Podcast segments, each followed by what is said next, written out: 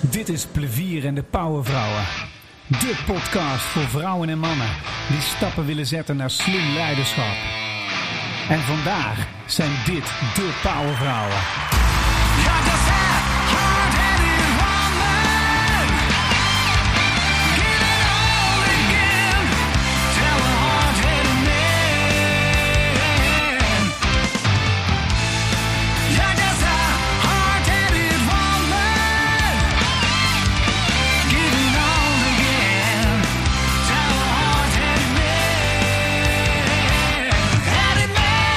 Ja, welkom bij weer een editie van Plevier en de Powervrouwen. Dit is uh, serie 2, uh, editie 2, serie 9. En vandaag hebben we prachtige gasten in onze studio.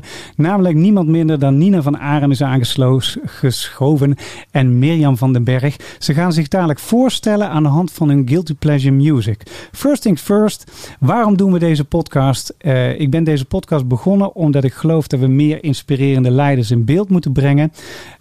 Ik ben niet zo onder de indruk van wat er nou in de wereld rondloopt qua leiders. Ik denk dat dat beter kan. Ik denk dat het ook beter is om de melange tussen mannen en vrouwen of mannelijke vrouwelijke energie wat in beter in balans te brengen, zodat we wat authentiekere, inspirerende leiders zijn. Jij als luisteraar, kijk, luistert naar deze podcast en wat kan het jou brengen? Het zorgt ervoor dat je inspirerende leiders in beeld krijgt die hun adviezen en tips delen. Dat doen ze door een aantal werkvormen te doorlopen. En terwijl zij die werkvormen doorlopen, delen zij een stukje van hun leiderschap met jou. En ze delen hun tips en ze delen hun adviezen, ze delen hun story.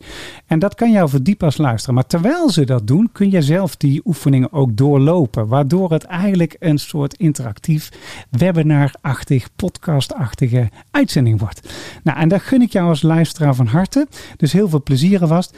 En uh, we gaan even naar de gasten toe. Uh, want we hebben niemand minder dan uh, ja, Nina van Arm aan, uh, ja, aan, aan, aan mijn tafel zitten en Mirjam van den Berg. En uh, Nina, die heb ik uh, gesproken en Mirjam ook. Mirjam ken ik al wat langer, want die heb ik een keer meegemaakt. Ik dacht, als ik ooit iets ga doen wat ik leuk vind, dan ga ik haar uitnodigen. Dat, ik vond dat zo'n inspirerende vrouw.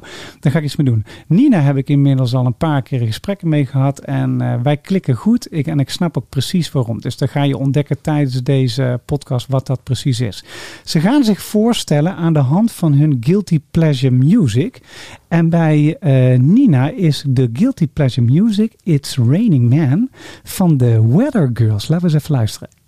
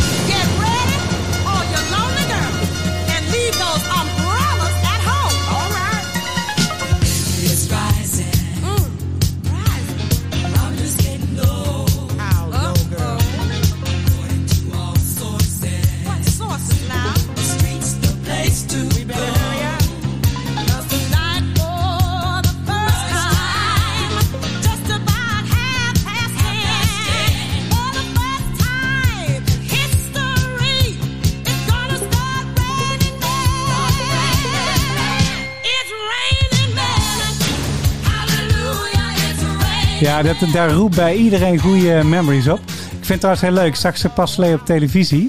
En niemand wilde dit nummer zingen. Niemand geloofde in dit nummer. Toen, toen kregen zij als background vocalist kregen ze dit nummer toegewezen van uh, kom het even zingen.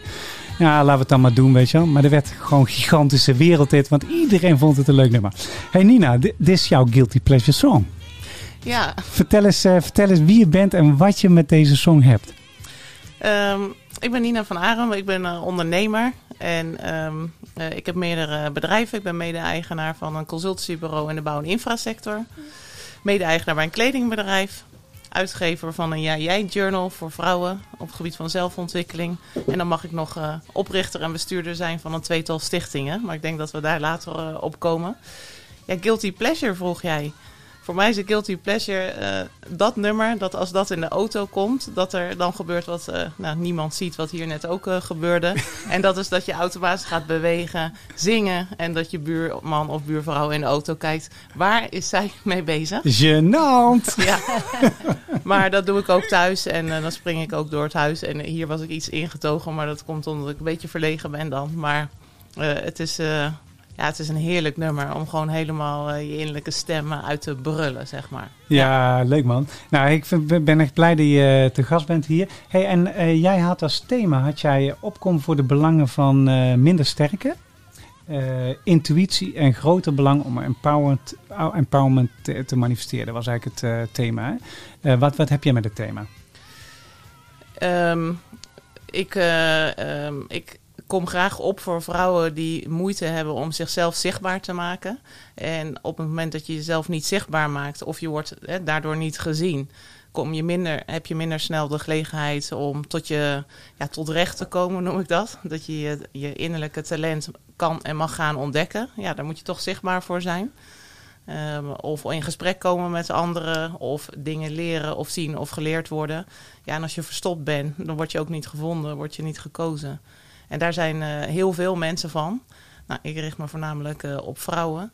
En um, ik uh, neem daarvoor voor deze doelgroep ook heel veel drempels weg. Want ik was zelf ook zo'n onzichtbare vrouw die enorm verlegen wel, nou, ben. Ik ben nog steeds verlegen. Ik heb alleen honderd trucjes bedacht. Um, maar ik kan juist door mijn eigen gestruikel over het leven andere vrouwen ja, die, die in het licht zetten eh, de drempels wegnemen, zodat zij tot ontwikkeling mogen komen. Ja, ja. ja. ja ik, vind, ik vind dat interessant. Ik heb ontdekt dat uh, eh, 60% van de leiders, dat wist ik niet, maar nou ik zoveel mensen aan het interview ben, 60% van de leiders handelt, uh, uh, 10% handelt echt vanuit blind vertrouwen. Dat klopt ook wel aardig, want 14% van de mensen laat hun levensscript los. Wat ze tussen de vierde en de zevende levensjaar ontwikkelen waarmee de perfectionist, de winnaar, de eeuwige helper, ik, ik ben dom, anderen zijn beter, whatever, uh, die menstypes ontstaan. En dan kun je niet vrij leven. Dus, dus die liggen heel dicht bij elkaar, dat klopt al aardig. 86% van de mensen uh, die laat hun levensscript nooit los. Dus die is eigenlijk in een in, in hun leven in, uh, ja, heel vaak in gevecht met zichzelf. Om zichzelf zichtbaar te maken of assertief te zijn. Of niet op te komen voor hun eigen belang. Of te, en ik gun echt iedereen dit, dat vrije leven. Letterlijk. Ik, ik ook. Ja, hè? Ja. ja dus dat, dat, we gaan eens even ontdekken of, uh, of uh, ja, wat we kunnen leren van jouw levenslessen. En ik ga jou ook wat leren, wat heel gaaf is om te weten gewoon, oh, oh, hoe je dat doet. Want je moet je nooit schamen, nooit over wie je bent. Weet je, je moet gewoon, weet je wel, full power staan voor wie je bent. Weet je, dat is waar het om draait. Dan komt de beste versie van jezelf naar boven. Oké, je zit naast iemand en dat is heel leuk, want je zit langs Mirjam. En, en ja, jullie matchen heel goed met elkaar. Dat is echt gewoon, gewoon, gewoon heel leuk. Er wordt leuke energie. En Mirjam, jij had als uh, song, die had ik heel lang niet gehoord. Dat je, hem, dat je hem kent is al. Uh, nee, ik, ik ken hem, want ik heb dat album heb ik, zeg maar, in, uh, toen we nog cd'tjes kochten, zeg maar. De, dus ik heb hem. Uh, maar dat is Fenomeen van Jim.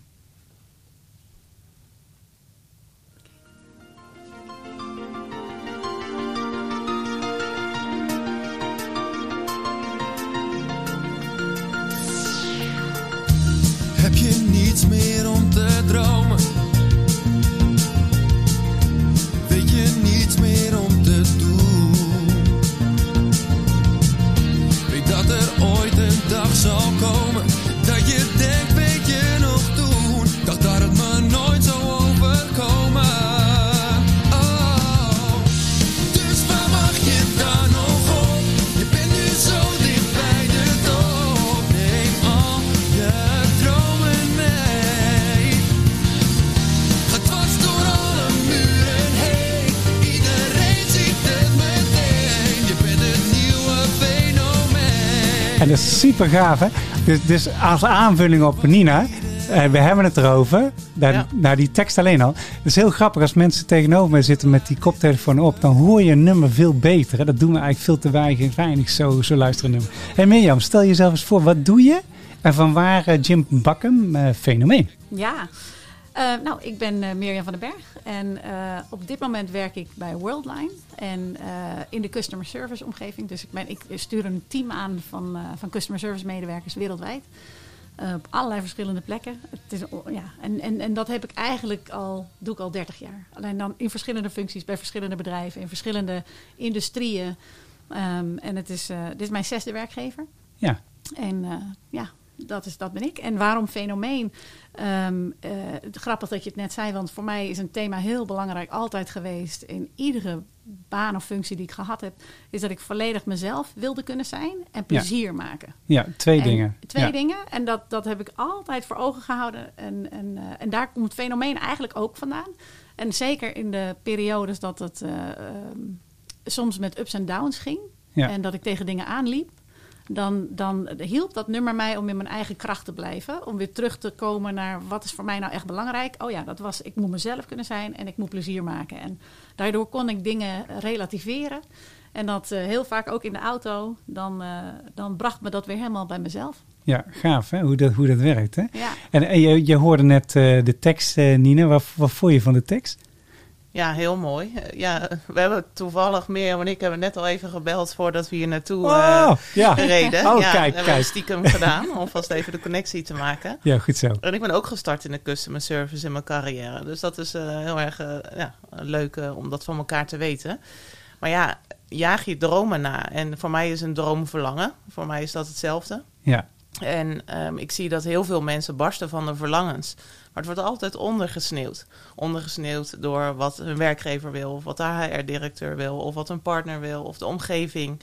En als je dan niet assertief bent, of je weet niet hoe je jezelf in het licht moet zetten of zichtbaar maken, ja, dan, eh, dan is je leven voorbij en is dat verlangen onbeantwoord. En nou, dat, eh, ja, daar zet ik me in ieder geval graag voor in om eh, zelf op de zeepkist te gaan staan, om mensen te laten zien hoe ze dat uit hunzelf kunnen krijgen. ja gaaf Dus, ja. hoor. Ja. Mooi liedje. Hey, en eh, hoe heet het? ehm, eh, als, jullie, als jullie nadenken over eh, het hoofdthema, ehm, missie, visie, strategie, hoe empower je de ander voor? Wat, wat, wat heeft volgens jullie een, ehm, een leider van deze tijd nodig om dat te doen? Nou, in het gesprek wat ik net met Mirjam had, dat is wel, denk ik, wel toepasselijk. Nou, wij kwamen ook heel erg snel op authenticiteit terecht. Eh, en dat vind ik zo'n woord wat je eh, elke high-end eh, coach of ehm, ja, zeg maar een, eh, een, eh, dure teambegeleiding of bestuurbegeleidingsconsultant zal ho- horen zeggen. Authentiek, eh, eh, authentiek leiderschap. Maar ehm, uiteindelijk kwamen we heel snel van wat voor waarde gaat het? Op wat voor waarde heb je als mens? En eh, wij kwamen als overeenkomst bijvoorbeeld op, ja, op onrecht. En eh, op wat voor manier, op wat voor context kun je creëren om, nou, een, eh, eh, om dingen met elkaar te verzinnen hè? aan strategie, missie of visie. Wat creëer je aan omgeving of veiligheid? kwam ook, voorbij. En als, dat, als je dat creëert en heel dicht bij jezelf blijft en, ja, en ook de verschillende invalshoeken bekijkt, ja, dan, dan ben je een leider. Maar goed, eh, dat zag ik in het voorthema. Hè. Mensen hebben het vaak over vrouwelijk en eh, mannelijk leiderschap. Ehm, daar ben ik niet zo van, want het gaat vaak over vrouwelijk leiderschap en leiderschap. En ehm, het leiderschap ja, wat, ik voor, wat ik zou wensen, de wereld toe zou wensen, of dat dat eh, mag uitvloeien over de wereld, is leiderschap. en dan een team van mensen die ja, een afspiegeling is van de wereld. En dat is leiderschap. En dat er verschillende energieën zijn, of eh, hoe iedereen het ook benoemt in masculien, feminien, vrouwelijke energie, mannelijke energie, yin-yang. Ja, het zal allemaal wel. Ja. Maar laten we alsjeblieft naar management, directie en bestuur gaan, die dat vertegenwoordigen wat de wereld is. En eh, in wat voor een eh, geslacht, cultuur, wat, eh, als dat compleet maar datgene is, eh, nou, wat de klant is, al, eh, dat is voor bedrijven belangrijk, is de directie wel de klant eh, in afspiegeling. En is dat ook zo met medewerkers? Dat vind Ja. ik veel mooier om naar te kijken. Ja, en, Ja. Dat, is, en dat, is, dat is ook echt een thema van deze tijd. Hè? Dus dat eh, of je nou, eh, ik, ik, ik heb een vriend die heeft een bedrijf dat draait alles om de medewerker. Me- Als de medewerker gelukkig is, wordt de klant ook gelukkig. Dat is zijn credo. En alles staat in teken om dat eh, volledig te maken. Weet je wel? Dus dat is een gaaf bedrijf om voor te werken, maar ze spiegelen het ook af. En, en die hebben automatisch in één keer thema's als eh, energietransitie, duurzaam omgaan met je personeel, zorgen dat de talentpool bij je blijft in plaats van dat ze weggaan. Dus altijd groeicapaciteit omhoog, altijd potentieel bieden naar links, naar rechts, naar boven of naar onder.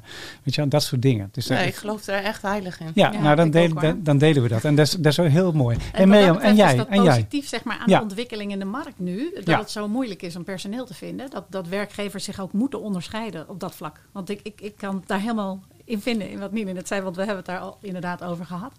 Dat het zo belangrijk is, en zeker in mijn vakgebied, in, in de customer service omgeving... dat ja, blije klanten ontstaan door blije medewerkers. Ja. En hoe meer zij zich verbonden voelen met het bedrijf... en, en met het doel wat zij eh, voor zichzelf hebben... maar ook voor het bedrijf, de bijdrage die ze daarin kunnen leveren... Dan, dan heb je die echte engagement en dan zijn je klanten eh, op een veilige plek. Maar dan moet je dus een veilige omgeving creëren voor medewerkers. En daarbij zie je wel, denk ik, dat ehm, met deze ontwikkeling dat het moeilijk is om, om personeel te vinden, dat werkgevers daartoe worden uitgedaagd. Hoe zorg je ervoor dat je de mensen vindt en bindt ehm, op een manier die hen aanspreekt? En daarin ja, is wel de ontwikkeling dat dat om hen moet gaan. Dus een Ja. stuk engagement en het vereist een ander soort leiderschap, wat veel meer past bij, bij, eh, bij deze tijd, maar ook bij mij, bij mijn persoonlijke waardes. Ehm, ja, dat ja, en het, en het is interessant, hè, want de, kijk, veel leiders, eh dat zie je ook bij eh, eh, de huidige tijd. Ik, ik krijg veel mensen die een baan zoeken of mensen die vragen, ken jij nog iemand die? Hè? Of, of het nou is die mensen zoekt of omgekeerd mensen die zelf een baan zoeken. En wat me opvalt, ze vinden elkaar niet. Dan denk ik, hè, hoe kan dat nou? De markt vraagt om talent, de talenten vragen om bedrijven en ze vinden elkaar niet. Hoe kan dat? En dan, als je er een beetje dieper in duikt, dan zie je, oh ja, dus die HR-afdeling, eh, gemeenschappelijk of generiek gesproken, scannen gewoon cv's. En nou, daar vallen heel veel mensen af. Ze hebben helemaal geen gesprek gehad of niks. Ze weten niet wie die andere is. Of eh, puur op werkervaring, leeftijd, eh, scannen van dingen, is het het wel of niet. En aan de andere kant, eh, een, een werknemer, die zoekt ook een baas waar die graag voor wil werken. En als hij merkt in zo'n sollicitatieprocedure, ja, ik ben een van de honderd. En god, ik krijg een standaard mailtje terug. Ja, dan is, is snap ik wel waarom. is-. Nee. Ik zag vorige week voor de eerste keer een bedrijf die zei: ehm, We hebben een functie openstaan, super gaaf functie. Maar we zijn eigenlijk niet zozeer geïnteresseerd in eerste instantie om eh, die functie in te vullen. We zijn eigenlijk benieuwd wie jij bent. Eh, je hoeft bij ons ook geen cv op te sturen, je hoeft ook geen brief te schrijven. Kom je gewoon gezellig eens kennis maken en koffie drinken. Nou, daar dacht ik van. Daar hebben ze het begrepen. Wat een leuke manier. Helemaal goed. Zo doe je dat. Ja, maar dat, ik, ik kom uit de loop, een, een groot gedeelte van mijn carrière Ja. heb ik in de loopbaanbegeleiding en coaching gezeten. En ons eigen consultancybureau heeft ook een detachering werving en selectietak. En ehm, ik, of wij streven in relaties naar klanten eh, datgene, dat vertrouwen, waar, dat je kan zeggen van, goh, hè, nu doen we het even op de traditionele manier. Maar ik, wij willen zo snel mogelijk naar een relatie waar het niet meer over cv's gaat. Dat je echt kan zeggen, je moet met deze persoon eens praten. En ik ben helemaal gek. Kijk, Dat stukje doe ik niet meer, eh, niet veel meer eh, in eh, dat consultancybedrijf. Maar heb ik natuurlijk wel gedaan. Ja, En nog steeds zijn de gebroken cv's, cv's waar heel veel vraagtekens bij staan, die niet kloppen. Waarvan je denkt, wat is dit voor cv? De eerste kandidaten die wij altijd hebben uitgenodigd. Want dat zijn mensen met levenservaring, die hebben al iets meegemaakt. Die weten, eh, eh, daar zit vaak zo'n prachtig verhaal omheen. En dat barst van het talent, als je dat maar even vertrouwen en ruimte geeft. En dan leren ze zich alles aan. ja. Want ik geloof dat we in een tijd leven. helemaal, ja, Ja, absoluut. we leven echt in een tijd dat je bijna alles jezelf kan aanleren. Want er is zoveel beschikbaar. ja. Dat je hoeft niet meer eh, vier jaar naar school om e- één specifiek iets te leren. Ja, dat kan ook Op basis van intrinsieke motivatie. ja, Ja, zeker. veel verder komen. Dat is ook heel erg leuk, hè, van, eh, want eh, ik, ik praat heel veel met eh, bedrijven die learning development doen en dat soort dingen. En eh, ik had vorige week een gesprek met een bedrijf die had alles digitaal, hartstikke mooi, weet je wel. Dus alle toeters en bellen zaten erop. En toen vroeg ik van, kom je ook wel eens een eh, bedrijf tegen waar die, dat digitale helemaal niet werkt? Huh? Digitale niet werkt? Ja, gewoon waar, waar mensen gewoon digibate zijn, niks hebben met een telefoon of een computer, maar eigenlijk liefst een kaartje zou willen vasthouden waar we tips op staan. Huh? Nee, kom ik eigenlijk nooit tegen. Ik zeg, maar die moeten er toch zijn? In de, ook in deze tijd. Weet je wel? Eh, Ik noem maar als voorbeeld, eh, we hadden vanmorgen hadden we eh, opname met Marjolein Tasje. Nou, verpleegkundige.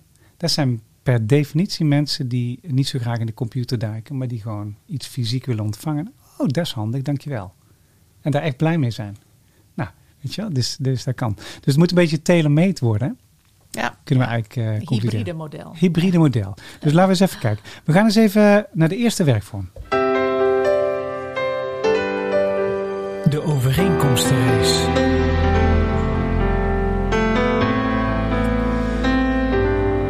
De overeenkomstenrace. Ja, jullie kennen elkaar nog niet, althans, jullie hebben elkaar kort gesproken, maar jullie kennen elkaar nog niet. Eh, de opdracht is als volgt. Jullie krijgen drie minuten de tijd om binnen het kader van eh, missie, visie, strategie, hoe empower je de anderen voor?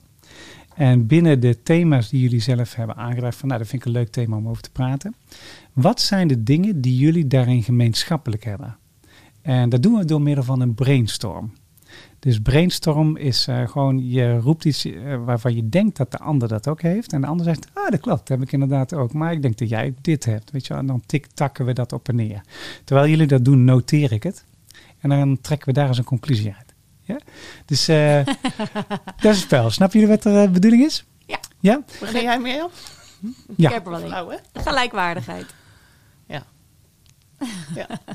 Wil, wil je dat ik daarop reageer? Ja, Of- gelijkwaardigheid is een hele mooie. is zeker een overeenkomst. Ja, en waarom? Ehm, ja, dat, eh, dat merkten we net in het gesprek. Dat het ontzettend... Er is echt niets... Niet, niemand is meer of minder dan de ander. Ja, Of je daar nou het eerste telefoontje aan de klantenservice balie beantwoordt, eh, de schoonmaker bent of daar in het bestuur zit.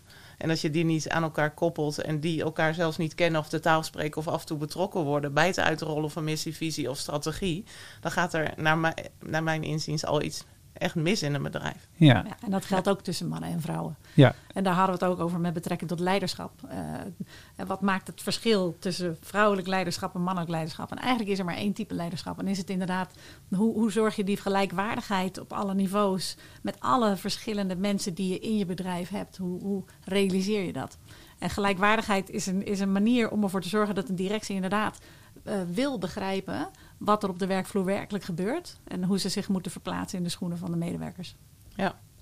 Want als Ja. je dat weet, dan, dan kun je strategieën bedenken over hoe je, die ze, hoe je ze verbindt. ja en dat, dat verplaatsen in de ander, dat hebben jullie ook allebei als overeenkomst volgens mij.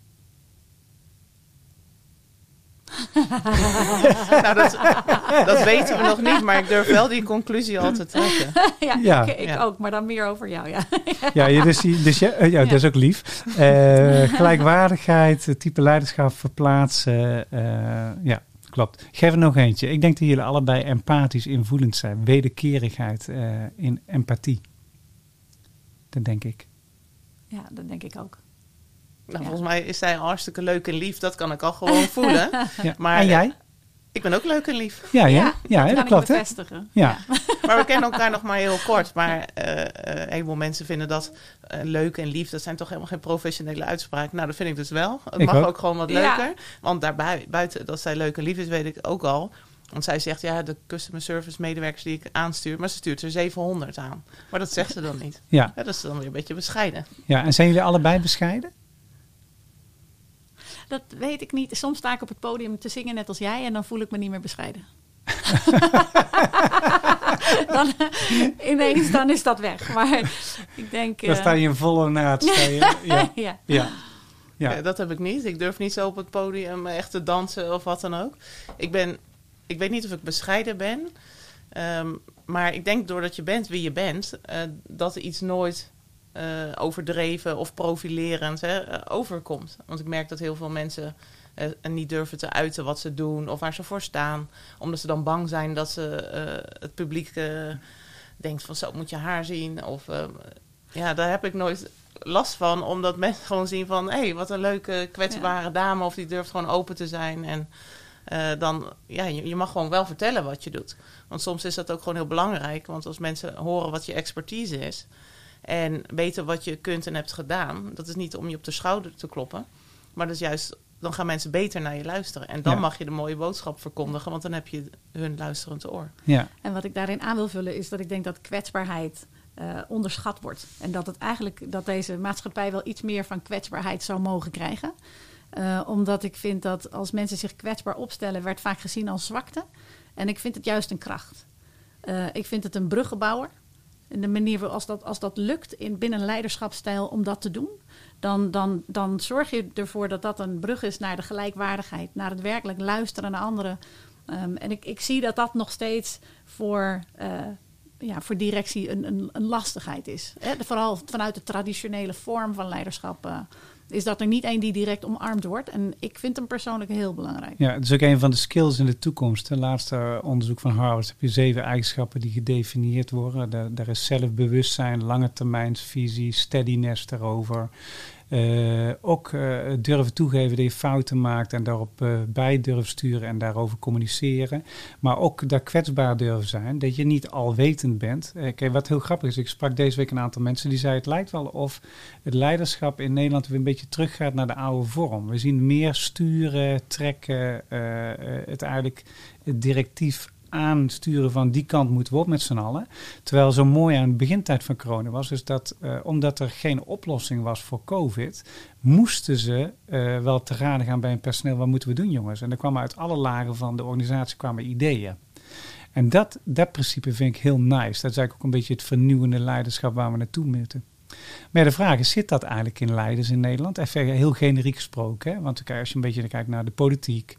en je kijkt een beetje hoe we omgaan bijvoorbeeld eh, met het klimaat, weet je wel. Daar heb je eh, hele goede leiders zitten... maar je hebt ook absoluut bedrijven die je denkt van... nou, komen die uit het stenen tijdperk of zo? Nou ja, ik, ik, denk, ik denk dat daar zeker nog heel veel winst te behalen is. Ehm, mijn ervaring zit ook met name in de internationale bedrijven. Ja, En daar zie ik hele grote verschillen tussen de manier waarop, eh, waarop leiderschap getoond wordt eh, in de verschillende landen. ja dus er zit op landen ook een, een duidelijk verschil. Er zit op landen heel erg groot verschil. Maar ik werk nu bij een Frans bedrijf. En daarvoor, voor de overname, was het ook een Frans bedrijf. Ja. En eh, gek genoeg is het cultuurverschil enorm groot.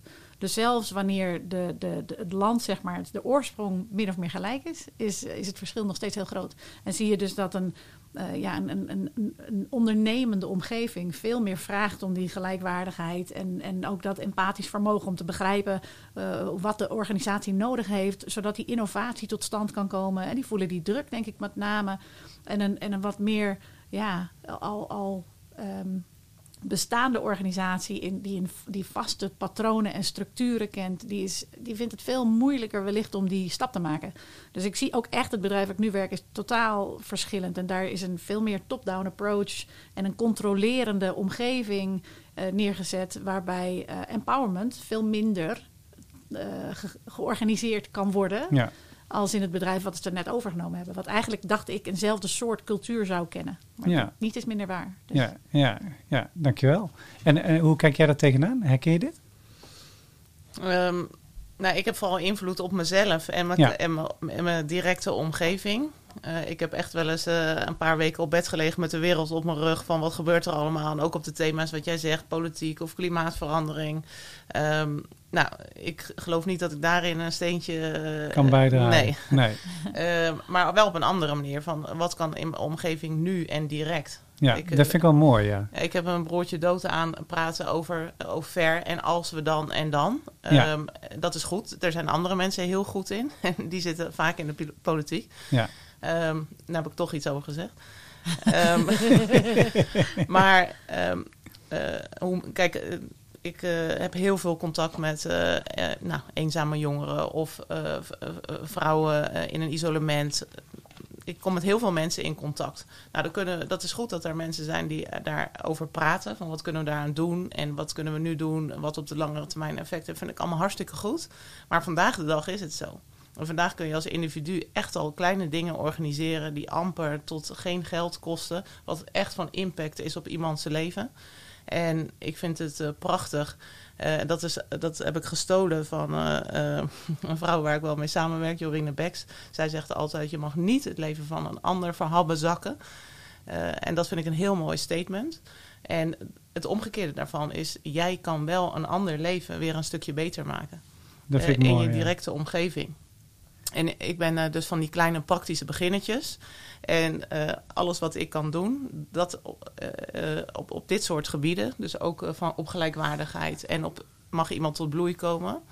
Als jij dat weet te, veroorza- te veroorzaken of een, een startje, een start, een startje. ja, een nieuw woord. Een start te maken. ja, dan kan dat uiteindelijk tot iets heel moois leiden. Want zo iemand komt uiteindelijk ook weer op een positie waar ze voor, van invloed zijn. En zo, eh, En zo geef je het door eigenlijk. ja, zo, Ja. eh, ik geloof in die olievlek. Oh, mooi ja. Ik denk ook dat Hey. we elkaar daarin moeten helpen. Ja. Hey, dus, dus in, stel je voor, je hebt een leider die authentiek is. Hè? eh, afgezien van het woord wat eh, zo vaak gebruikt wordt door elke trainer en coach. maar het wil eigenlijk zeggen dat hij trouw is aan zijn waarden en zichzelf laat zien zoals die echt is. Eh, die ook eh, een context kan creëren waar mensen dat kunnen zijn. Die een, eh, eh, ja, zorgt dat zijn team een afspiegeling wordt van de wereld om hem heen. In plaats van een elite of een witte kamer of een ivoren taken. Die ook een bijdrage levert in het eh, zorgen dat er engagement ontstaat en een veilige omgeving waar mensen zich kunnen ontwikkelen. Die kwetsbaar zijn, die ook leuk en lief zijn. Ik vind lief vind ik echt een, een ver onderschat kwaliteit. Het is een superpower is dat. Als je lief bent, superpower. Eh waarin ook gelijkwaardigheid is. Met, eh, eh, in, in het type lei- leiderschap waarbij je eh, probeert om gelijkwaardigheid te realiseren. En waarbij je dan ook nog praktisch dingen doet in het nu die impact hebben op jezelf en anderen. Is dat een mooie schets van een toekomstige leider? Nou, is aangenomen. Of Ja. zij. Ja, Of eh, de reiziger. Hij kan door. ja, zeker. Oké, helemaal goed. Nou, dan, dan gaan, we daarmee, gaan we daar eens even mee werken. Het vrije interview. Oh nee, deze we doen. Ik onderbreek hem gewoon. Reageer zo snel mogelijk.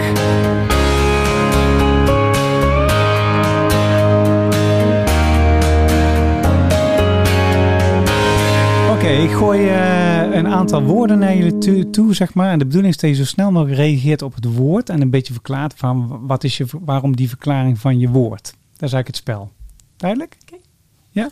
Je denkt van wat voor woorden gaan er komen? Nou, bijvoorbeeld authenticiteit. Nee, nee, nee, die doen we niet. Ja, wat flauw. Eh, ja, Eh, vooruitgaan. Ja, vooruitgaan. Ehm, vooruitgaan is, is eigenlijk een, een- voor mij betekent iets wat, wat, wat dynamisch ontstaat, wat eigenlijk organisch is. Vooruitgang is er altijd. En, en ehm, dat je vooral bezig moet zijn met waar je naartoe wilt vanuit je eigen kracht. Oké, goed. Mooi. Vind ik een mooie verklaring. Eh, ik pak even gewoon de tegenovergestelde. Stilstaan.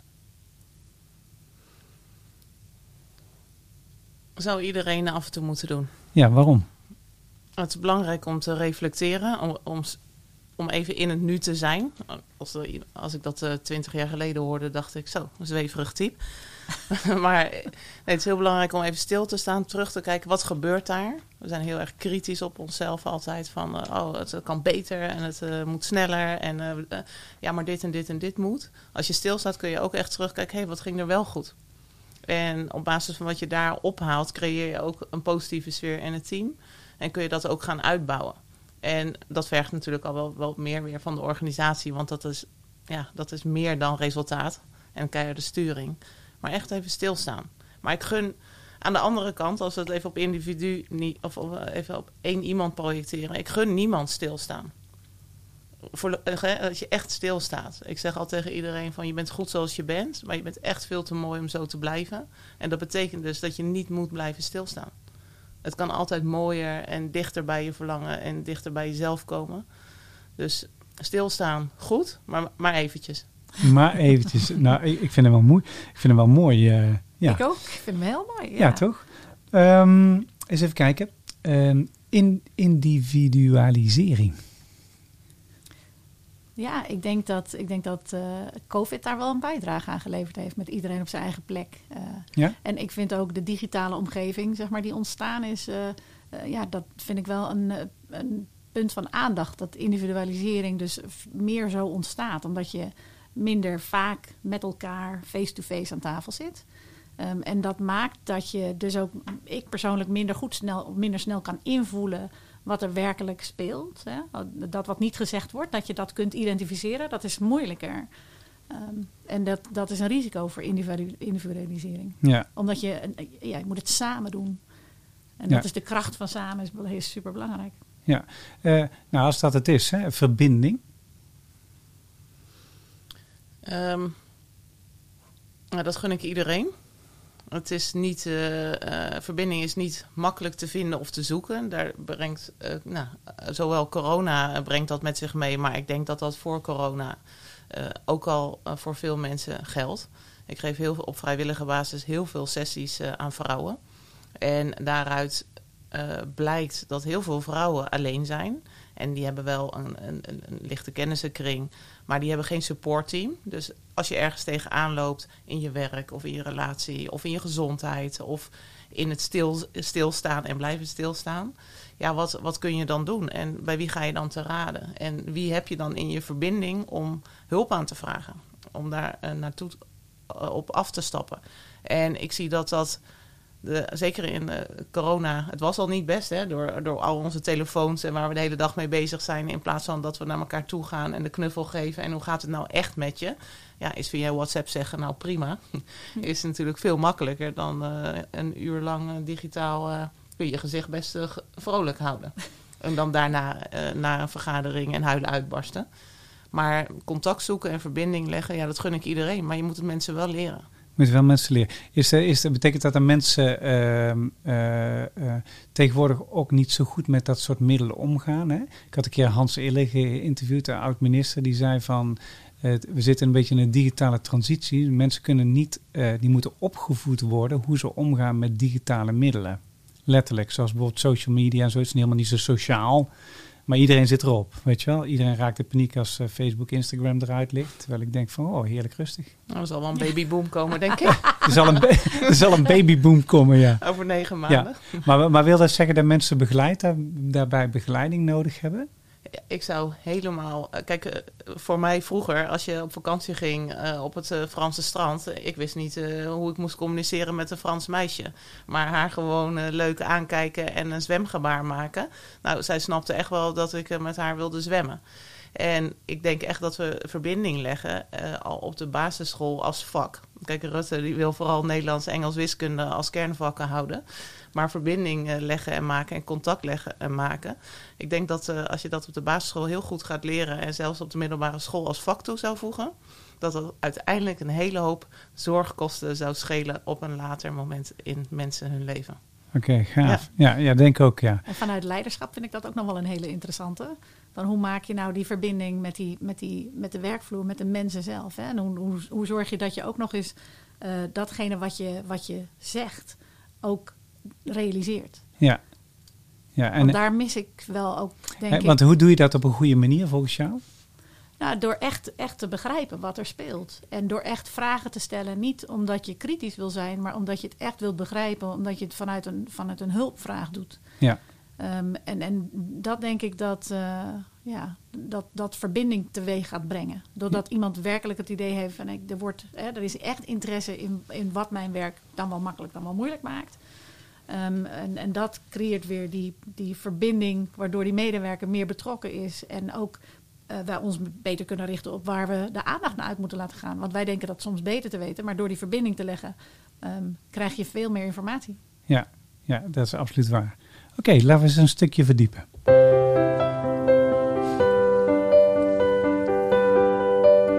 Prikkelende stellingen. Prikkelende stellingen. Ik heb de 33 paradoxen in leiderschap heb ik in kaart gebracht. Van waar leiders en organisaties dagelijks mee kampen. En ik leg gewoon eh, twee, eh, twee stellingen die tegenover elkaar staan. Die leg ik naast elkaar neer. Bijvoorbeeld eh, zijn en doen. Weet je? En je moet er één kiezen. Dus zijn is in het moment zijn, in het nu oké zijn zoals het is. Doen is, ja, je gaat in beweging, je gaat actie zetten, et cetera. En er zit een paradox in. En eh, wat interessant is, is van welke kies je en waarom?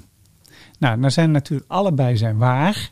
Hè, want ja, er is een moment dat je gaat zijn en er is een moment dat je gaat doen. Maar je moet er toch eentje kiezen. Dat, dat is het spel. Snappen jullie het eh, idee?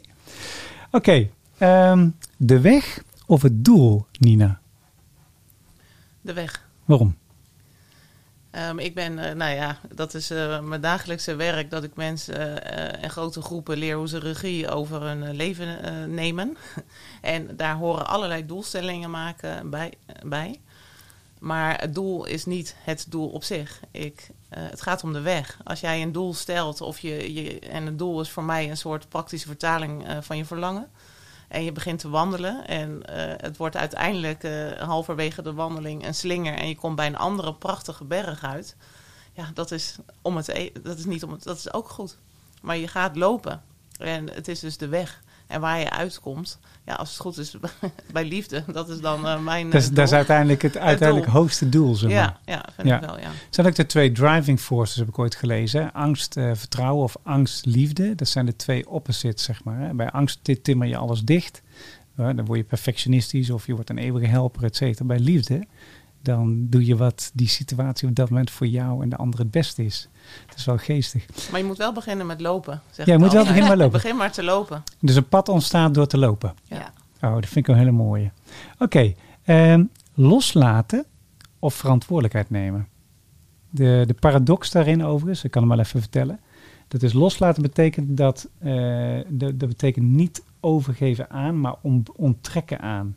En verantwoordelijkheid wordt vaak te rigide opgevat. Dus, dus, dus uit het moment dat je verantwoordelijkheid neemt, als je het doorslaat, wordt het rigide.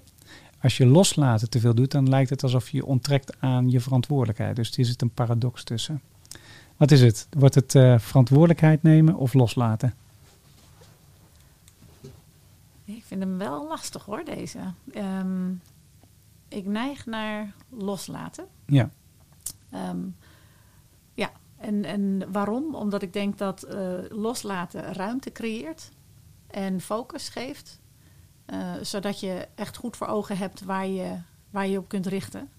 Ehm, en, en daar zit verantwoordelijkheid wel, nemen wel bij in. Hè? Ja. Omdat je zodra je dan helder hebt waar werkelijk je aandacht naar uit zou moeten gaan, dat, dat ontstaat in mijn beleving als je andere dingen kunt loslaten die eigenlijk minder relevant zijn. Dus hoe maak je het onderscheid tussen datgene wat, eh, wat eigenlijk door allerlei factoren van buitenaf jou beïnvloedt in de keuzes die je maakt? Hoe zorg je dat je terugkomt bij de kern, bij wat werkelijk belangrijk is? Ehm, en die ruimte die ontstaat doordat je al die andere dingen die niet zo relevant zijn eh, loslaat. gaaf. Ik vind dat wel. Ja, ik vind dat, dat toch verantwoordelijkheid nemen. Ja, vertel eens. Ja, en Ja, daar- neemt- daar worstel ik mee, want dat vind ik namelijk. Ja, want je neemt Oh, eigenlijk ja. even stil. Van je, gaat van, je gaat de situatie bekijken. En je neemt verantwoordelijkheid doordat jij tussen eh, het compleet loslaten of tijdelijk loslaten om tot keuzes te komen. Dat is toch ook verantwoordelijkheid nemen. Daar, daarom zei ik, Ja. ook, ik vind hem heel lastig. Omdat ik, ja, je, je neemt ook wel degelijk verantwoordelijkheid op het moment dat je dan keuzes maakt. En zegt dan, dit is waar ik nu mijn aandacht naar uit moet laten Ja. gaan. Om welke reden dat ook is. En dan pak je dat als verantwoordelijkheid op. En dat, dat, maar niet, niet duizend dingen tegelijk. En daarom denk ik altijd dat je in deze wereld sowieso... als ik kijk naar mijn eigen leiderschapsstijl... en, de, en, en de, de hoeveelheid informatie die je moet processen op een dag... en allerlei dingen die er, die er moeten gebeuren. Hoe zorg je er nou voor dat je verantwoordelijkheid neemt... voor de dingen die er werkelijk toe doen? En dan denk ik er wel aan dat ik eh, waarschijnlijk 80% loslaat... en 20% verantwoordelijkheid neem voor datgene wat echt relevant is. Ja, dat, is wel, dat vind ik wel mooi gezegd, ja. Dus dan, ga- dan, ga je echt, eh, dan ga je echt focussen op wat echt belangrijk is. En de rest maak je niet meer eh, druk over. Er is ooit een keer een mooi boek over geschreven. The Art of Not Giving a Fuck. Dat gaat, over, dat gaat, daarover. Ja, Dat je niet druk moet maken over alle irrelevante dingen. En dat je werkelijk je focus volledig moet richten op wat werkelijk maar dat eh, is doet. moeilijk hoor. Dat vind ik des- best Ja? een uitdaging in deze, in deze tijd... Met, met honderden e-mails die je per dag binnenkrijgt. Ja, Met een dag die zeker sinds dat we alleen maar helemaal digitaal werken... soms wel 10, 14 meetings op een dag hebben... ja. dat, dat je daar eh, constant keuzes in moet maken. En wat wel, wat niet. Hè. En eh, daar moeten we steeds beter in worden eigenlijk. Hè. Willen we effectief leiderschap tonen... dan is het wel een uitdaging om daar, eh, daar de kunst van te, te Ja. zien. ja, mooi. De laatste voor jou. Ehm, standaardisatie of creativiteit? Ja, ik ben op en top creatief. Dus dan wil ik meteen zeggen creativiteit. Ja, dat, ik vind dit moeilijk. Als, ja, dat vind ik een hele moeilijke. Want ik geloof eh, dat, eh, ehm, ja, dat het eerste wel rust kan geven. Rust en duidelijkheid en structuur. En omdat dat structuur eh, rust gaat geven, ontstaat er ruimte om het te verbeteren. Dat zal als geen ander weten in de customer service. Van wat, eh, wat gebeurt er aan die achterkant? Waar zitten faalkosten? Waar zit de klantontevredenheid? dat komt wel omdat er een, eh, eh, een hele, heel standaard proces in ligt. En met die informatie aan het eind kun je weer creatief aan de voorkant zijn om dat proces te verbeteren. En als dat goed loopt, heb je rust om tot creativiteit te komen. Ja, ik vind dat een mooie, mooie verklaring. Hij leidt ook heel erg op wat ze onderzocht hebben. Want Oh. standaardisatie, standaardisatie versus creativiteit, ze lijken elkaar uit te sluiten, maar heldere begrenzing is nodig om ruimte te scheppen voor vrijheid. Eh, lean werken bijvoorbeeld is te vergelijken met een dans. Je moet eerst de basispasjes aanleren en dan komt de vrijheid om er zelf in je eigen stijl en eigen draai aan te geven. Vaak hebben we het geduld niet om de basis te leren. We doen het liefst alvast ons eigen ding en komen dan dus nooit echt goed vooruit. Mooi Nou, hè? Ja. Nou, dit, is- dit ja, wat was ik moet ja? zeggen dat ik denk zelfs dat, dat de meeste bedrijven zijn nu heel erg gericht op standaardiseren van Ja. processen. En dat is natuurlijk ook om die consistentie te realiseren en de klantbeleving te verbeteren.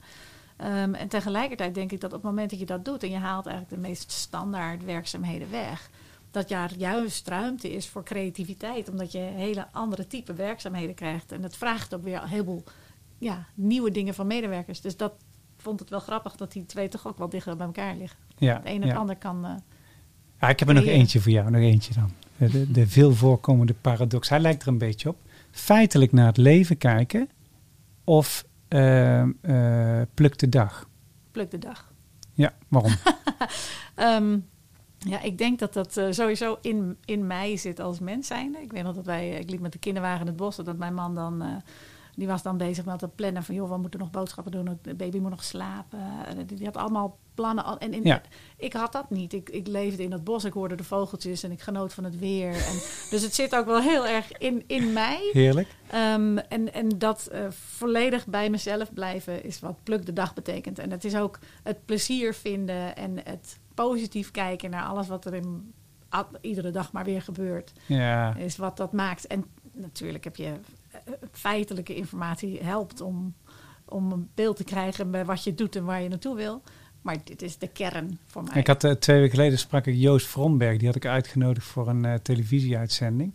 En hij is eh dataspecialist. Dus hij zei van nou, als je tegenwoordig data wil gebruiken, moet je zes pijlers had hij dan. Ik weet ze niet allemaal meer hoor. Maar in ieder geval, je moet zorgen dat je goede gesprekken voert en voeding houdt met iedereen. Dan krijg je heel erg veel impulsen binnen over hoe dingen zou kunnen zijn. Dus ook met je medewerkers of met je klanten of je leveranciers of nou, whatever. En eh tweede, ja, kwantitatieve data helpt ook heel erg. Want daar heeft heel erg mee te maken, zei hij, dat eh, eh, leiders heel vaak hun eigen mening, visie erdoor jassen. Zonder dat ze goed geborgd hebben of het echt zo is. Dus dan zitten ze helemaal in hun eigen mindset dat wat ze hebben gedaan, dat het echt 100% waar is. Nou, hele bedrijven sturen daar een hele ja, hun hele hebben en houden op. Ik vond het mooiste, mooiste, experiment wat ze ooit hebben gedaan, wat mislukt was. Of het is eigenlijk gigantisch goed gelukt, want het bracht iets heel moois aan het beeld. Vroeger had je in de jaren negentig of zo, had je de reclame van Pepsi met Michael Jackson. En eh, Coca-Cola, die eh, zag dat als een enorme bedrijf. Dus wat verzonnen is de blindfolded test. Dus dan konden mensen, die konden geblinddoekt een zipje cola nemen. Ken je de reclame nog? Mhm. Ja. het was Nee? nog te jong. Of was jij nog te jong? Oh ja, ja, Ik ja, ken hem nog, Ja, ja, precies. Nou, en eh, dus mensen namen een zipje Pepsi, ze namen een zipje cola. Wat bleek? Iedereen vond die Pepsi lekkerder, potverdorie. Dus wat gebeurt er? De hele researchafdeling van eh, Coca-Cola werd erop gezet. De smaak werd aangepast. De oude Coca-Cola werd de deur uitgeflikkerd. Er gingen miljoenen tegenaan in het rebranded. Wat bleek? Niemand vond de cola meer lekker. Hoe kwam dat? Omdat één zipje eh, Pepsi is lekkerder, omdat er een beetje citroen en suiker in zit. Wat voor iedereen gelijk oproept, oeh, dat is lekker. Maar een heel flesje Pepsi, ja, daar vinden dan toch heel veel mensen echt niet te zuipen, bij wijze van spreken. dus, en dat vind ik echt zo'n mooie gewaarwording, dat iemand, dat ze zoiets verzinnen. En dat op basis van één zo'n input, zeg maar, de hele de koers wordt veranderd. Nou, vind ik prachtig, magnifiek mooi verhaal, Ja. zeg maar. Ja. Oké jongens, we gaan naar eh, de laatste werkvorm. That's alright. I'm gonna take you higher. That's alright. I'm gonna take you higher. De tip van de dag.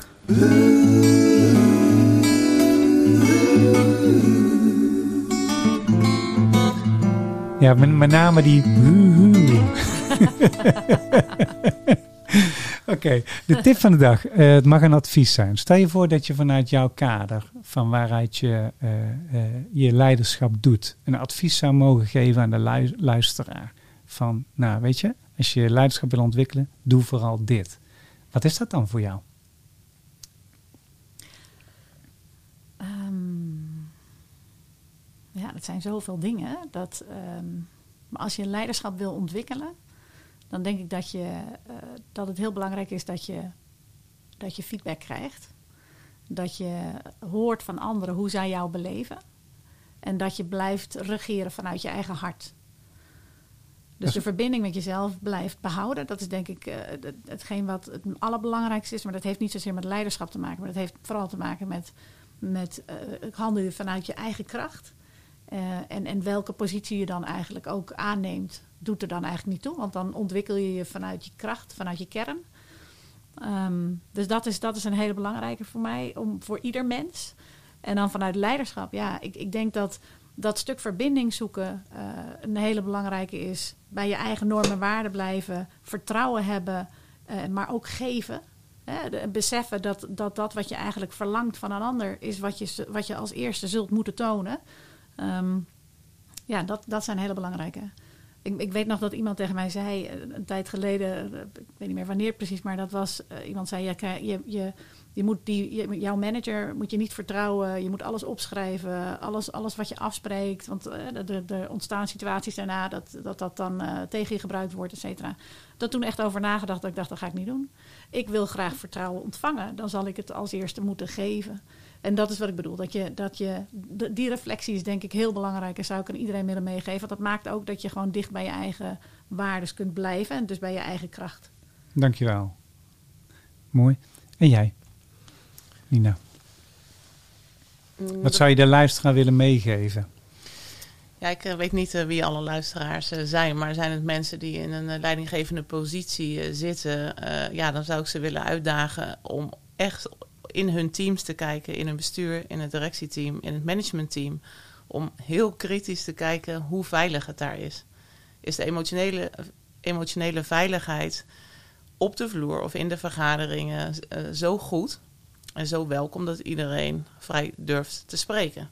Want feedback, ik ben helemaal eens met feedback en elkaar positief be- bekritiseren. En je moet jezelf als leider echt kennen. We hebben blinde vlekken, allemaal. Eh, Ja. Vanaf jeugd tot nu. Er zitten systemen, patronen die. Ja, je bent als mens thuis in je gezin, op je werk. Je bent gewoon mens. Dus overal neem je dat eh, met, eh, met jezelf mee. En wanneer je jezelf echt goed leert kennen, ga je ook anderen beter begrijpen. En de relatie tot een ander. Ik vind dat heel vaak, hè, ik hoor dat overal. En het lijken allemaal zulke dooddoeners. Ehm, en toch kom ik heel veel teams tegen die dit een beetje met elkaar proberen uit te vogelen zonder externe begeleiding. Of eh, zonder dat überhaupt er besef is van, eh, ja, het gaat hier allemaal goed. En iedereen knikt, ja, het gaat hier ook goed. Ja, het gaat hier ook goed. Iedereen zegt eh, drie keer, ja, we gaan weer verder. Maar iedereen zegt, ja, we gaan weer verder. Omdat het zo onveilig is. Want iedereen denkt, oh, als ik hier iets zeg, ja, dan gaan Jantje en Pietje, want ja, het zijn nog vaak Jantje en Pietjes, eh, eh, die hakken mijn kop eraf. Of eh, da- dan word je meteen afgevallen, of dan lig je eruit. Ik merk dat het echt heel onveilig is in heel veel organisaties. Ja, En daardoor komt er ook helemaal überhaupt geen ruimte voor een vraag of feedback. Of waar staan we hier eigenlijk voor? Ja. Dus gewoon jezelf is gewoon in de spiegel aan te kijken van hoe veilig is het hier? Of wat ik altijd eh, vaak zeg is, zou je je eigen kinderen hier willen laten werken? ja dat is een goede vraag. Ja, Ja. en dan denk je, nee, natuurlijk niet. oh, wat zei ik daar? Ja, dat is een hele leuke vraag. Ja, Ja. hoe zou je hiermee omgaan eh, als het dit je zoon betreft? Ja, Dan komt het echte antwoord heel snel boven. Want voor, Ja. voor je kind eh, weet je precies wat je wel of niet zou willen. Of ze- wat, ze- wat je ze zou gunnen. Dus Ja. dat ze, ja. vind ik wel een mooie vergelijking. Ze, hebben, ze hadden, ehm, gisteren stond er in, de, in een, eh, op LinkedIn op, eh, ergens op, eh, kwam ik via via op een artikel. eh daar ging, hadden ze een onderzoek gedaan naar sustainability en ongelijkheid in salarissen. En wat blijkt, mannen die eh, dochters hebben, die, eh, daarmee eh, gaat de sustainability met 25% omhoog. Dus op het moment dat ze dochters hebben, gaat de sustainability met 25% omhoog. En in Denemarken hebben ze onderzocht dat de gelijkwaardigheid of ongelijkwaardigheid in salarissen verdwijnt op het moment dat een, een mannelijke CEO dochters heeft. En dat kwam door priming. priming. Dus de, je zit in een omgeving en, en eh, je ziet bepaald gedrag en een bepaald gevoel krijg je. En dat is in je privéomgeving en je zet het automatisch op je werk ook door. Nou, vind ik echt Ja, dat, Ja. ja. dat- dus ik kan dat die vergelijking, die, die Ja, vergelijking die kan ik wel trekken. Ja. hey, jongens, dankjewel. meiden. Voor, voor meiden. Ja. Goed dat jij mij kon zetten. Waarom zeg ik altijd jongens? Ja, ik kom niet uit een jongens. Ik heb ook twee zussen. Dus eh, ik zeg volgens mij altijd jongens. eh.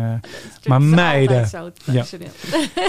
Dankjewel voor jullie eh, mooie visie en input. Fijn dat jullie bij mij te gast waren. En eh, hartstikke leuk voor de luisteraar om van te leren. Eh, we kunnen wel concluderen dat eh, authenticiteit een goed waardesysteem en zorgen dat mensen betrokken raken door veilige omgeving te scheppen.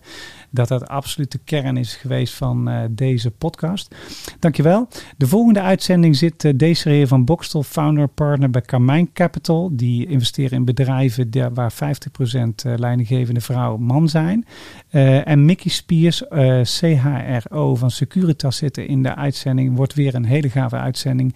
Uh, deze uitzending die gaat live op woensdag om 7 uur. luister gerust nog een keer na en delen met je omgeving. Want we kunnen niet genoeg van dit soort mooie mensen in beeld brengen. Dankjewel, tot de volgende keer. En we sluiten af zoals vanouds met Song for the People.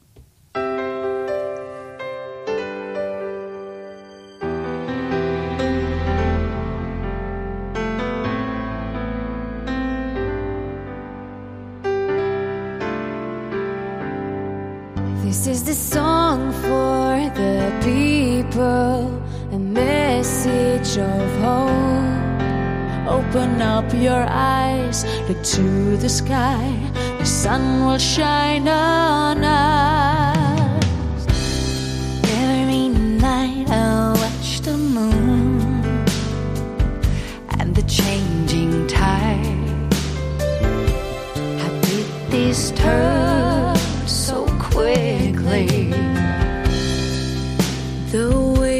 Behind